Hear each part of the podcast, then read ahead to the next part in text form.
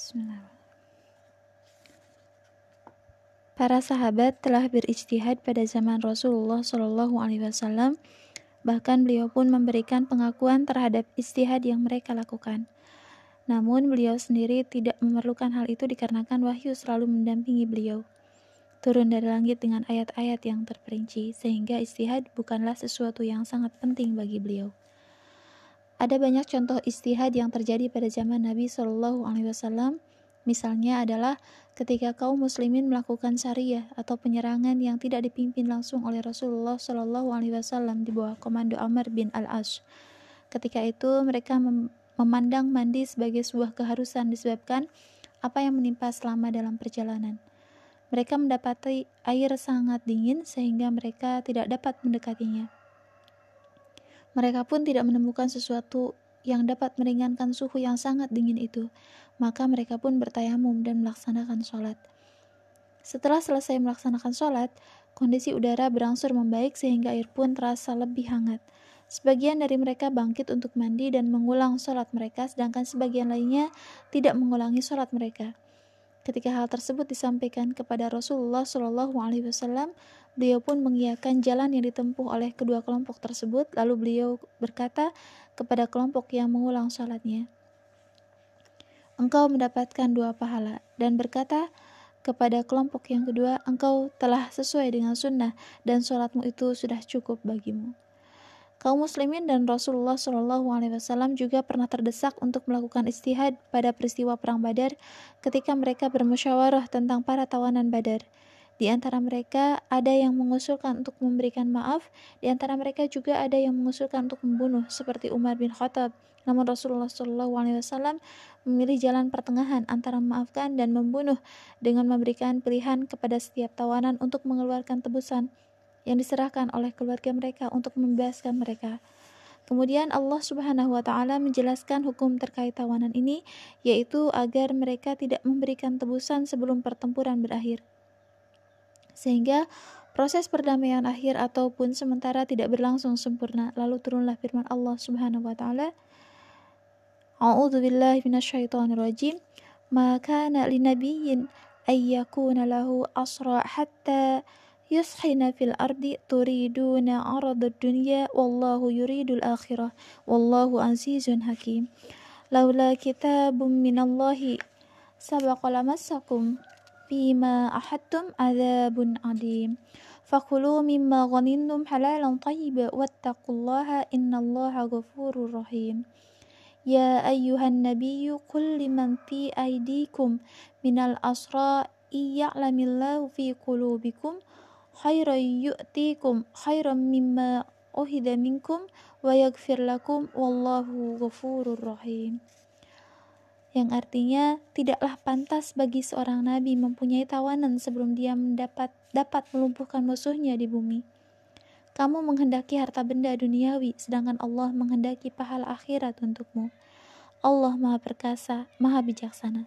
Sekiranya tidak ada ketetapan terdahulu dari Allah, niscaya kamu ditimpa siksaan yang besar karena tebusan yang kamu ambil maka makanlah dari sebagian rampasan perang yang telah kamu peroleh itu sebagai makanan yang halal lagi baik. Dan bertakwalah kepada Allah. Sungguh Allah Maha Pengampun, Maha Penyayang.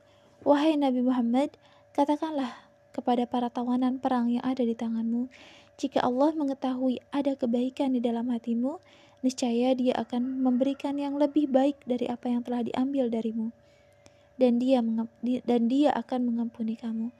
Allah Maha Pengampun, Maha Penyayang. Surah Al-Anfal ayat 67 sampai 70. Pada zaman Rasulullah Shallallahu alaihi wasallam telah muncul banyak istihad dan qiyas. Di antaranya adalah bahwa seorang laki-laki pernah menemui Rasulullah Shallallahu alaihi wasallam untuk menyampaikan pengingkarannya terhadap anak laki-lakinya yang dia lihat terlahir dengan kulit berwarna hitam. Maka Rasulullah Shallallahu alaihi wasallam bertanya, apakah kamu memiliki unta? Laki-laki itu menjawab, ya wahai Rasulullah. Beliau Shallallahu Alaihi Wasallam bertanya lagi, apa warnanya? Dia menjawab, merah. Beliau Shallallahu Alaihi Wasallam bertanya lagi, apakah di antaranya ada yang berwarna keabu-abuan? Dia menjawab, ya wahai Rasulullah. Beliau Shallallahu Alaihi Wasallam bertanya lagi, lantas dari mana ia yang berwarna keabu-abuan berasal? Dia menjawab, mungkin sifat itu berasal dari akar keturunannya. Lalu Rasulullah Shallallahu Alaihi Wasallam bersabda, demikian halnya dengan anakmu ini, bisa jadi dia mewariskannya dari akar keturunannya. Bisa, bisa jadi dia mewarisinya dari akar keturunannya. Abu Hanifah Batalul Hurriyah Al-Mustashar Abdul Halim Al-Jundi Darul Ma'arif Mesir Rasulullah Wasallam juga pernah beberapa kali melakukan istihad yang kemudian dibenarkan oleh Al-Quran seperti ayat-ayat zihar yang terdapat dalam surat At-Tahrim. Ketika itu Habsah meminta izin kepada beliau untuk mengunjungi rumah ayahnya. Umar bin Khattab Beliau pun mengizinkannya. Saat dia kembali ke rumahnya, dia mendapati Maria Al-Qibtiyah sedang bersama Rasulullah Shallallahu Alaihi Wasallam. Lalu dia berkata, di rumahku, wahai Rasulullah, dia pun memprotes masuknya Maria ke rumahnya ketika dia tidak ada di sana. Maka Rasulullah Shallallahu Alaihi Wasallam bermaksud untuk menenangkan kekhawatirannya. Beliau pun menjanjikan kepadanya bahwa beliau tidak akan lagi mendekati Maria setelah hari itu dengan syarat bahwa dia tidak akan menyiarkan kejadian itu di antara istri-istri beliau lainnya. Namun dia menyalahinya dengan menemui Aisyah dan menceritakan kepadanya apa yang telah terjadi di rumah Rasulullah Shallallahu Alaihi Wasallam. Lalu turunlah ayat yang mulia. A'udzu billahi minasyaitonir rajim. Ya ayyuhan nabiyyu lima tuharrimu ma ahallallahu lak tabtaghi mardata azwajik wallahu ghafurur rahim. Wahai nabi, mengapa engkau mengharamkan apa yang dihalalkan Allah bagimu? Engkau ingin menyenangkan hati istri-istrimu dan Allah Maha Pengampun, Maha Penyayang. Surah At-Tahrim ayat ke-1. Setelah Al-Quranul Karim mengungkapkan kisah ini sebagaimana yang sebenarnya terjadi dan memaparkan percakapan Rasulullah Shallallahu Alaihi Wasallam bersama Hafsah setelah dia menyebarkan rahasia itu, lalu muncullah ayat-ayat lain yang memperingatkan Ummahatul Mukminin Aisyah, Hafsah, dan Ummul Mukminin lainnya yang ikut terlibat bersama mereka berdua dengan mengatakan, A'udzubillahi minasyaitonirrajim. Tatuba ilallahi فقد صغت قلوبكما وإن تظاهر عليه فإن الله هو مولاه وجبريل وصالح المؤمنين. والملائكة بعد ذلك ظهير. عسى ربه إن طلقكن أن يبدله أزواجا خير منكن مسلمات مؤمنات قانتات تابئات تائبات عابدات سائحات سيب سيبات وأبكارا. Jika kamu berdua bertobat kepada Allah, maka sungguh hati kamu berdua telah condong untuk menerima kebenaran dan jika kamu berdua saling bantu membantu menyusahkan Nabi, maka sungguh Allah menjadi pelindung dan juga Jibril dan orang-orang mukmin yang baik. Dan selain itu malaikat-malaikat adalah penolongnya. Jika dia atau Nabi menceraikan kamu, boleh jadi Tuhan akan memberi ganti kepadanya dengan istri-istri yang lebih baik dari kamu perempuan-perempuan yang patuh, yang beriman, yang taat, yang bertobat, yang beribadah, yang berpuasa, yang janda dan yang perawan. Surat At-Tahrim ayat keempat sampai kelima. Demikian halnya ketika Rasulullah Shallallahu Alaihi Wasallam memberikan izin kepada orang-orang munafik untuk tidak ikut serta dalam perang Tabuk. Turunlah firman Allah Azza wa Jalla, A'udzu billahi minasyaitonir rajim. Afallahu an kalima adzinat lahum Allah memaafkanmu, wahai Muhammad. Mengapa engkau memberi izin kepada mereka untuk tidak berperang? Surah At-Taubah ayat ke-43. Bahkan di antara istihad-istihad beliau Shallallahu alaihi wasallam ada yang langsung dibenarkan oleh para sahabat beliau sendiri seperti ketika para pada peristiwa perang Badar beliau menempatkan posisi pasukan agak jauh dari sumber air lalu salah seorang sahabat berkata kepada beliau apakah berdasarkan wahyu ataukah berdasarkan pendapat. Demikianlah as-sunnah tidak membiarkan ruang bagi seseorang untuk mengatakan bahwa Islam itu statis atau jumud, tidak memberikan tempat bagi logika dan akal.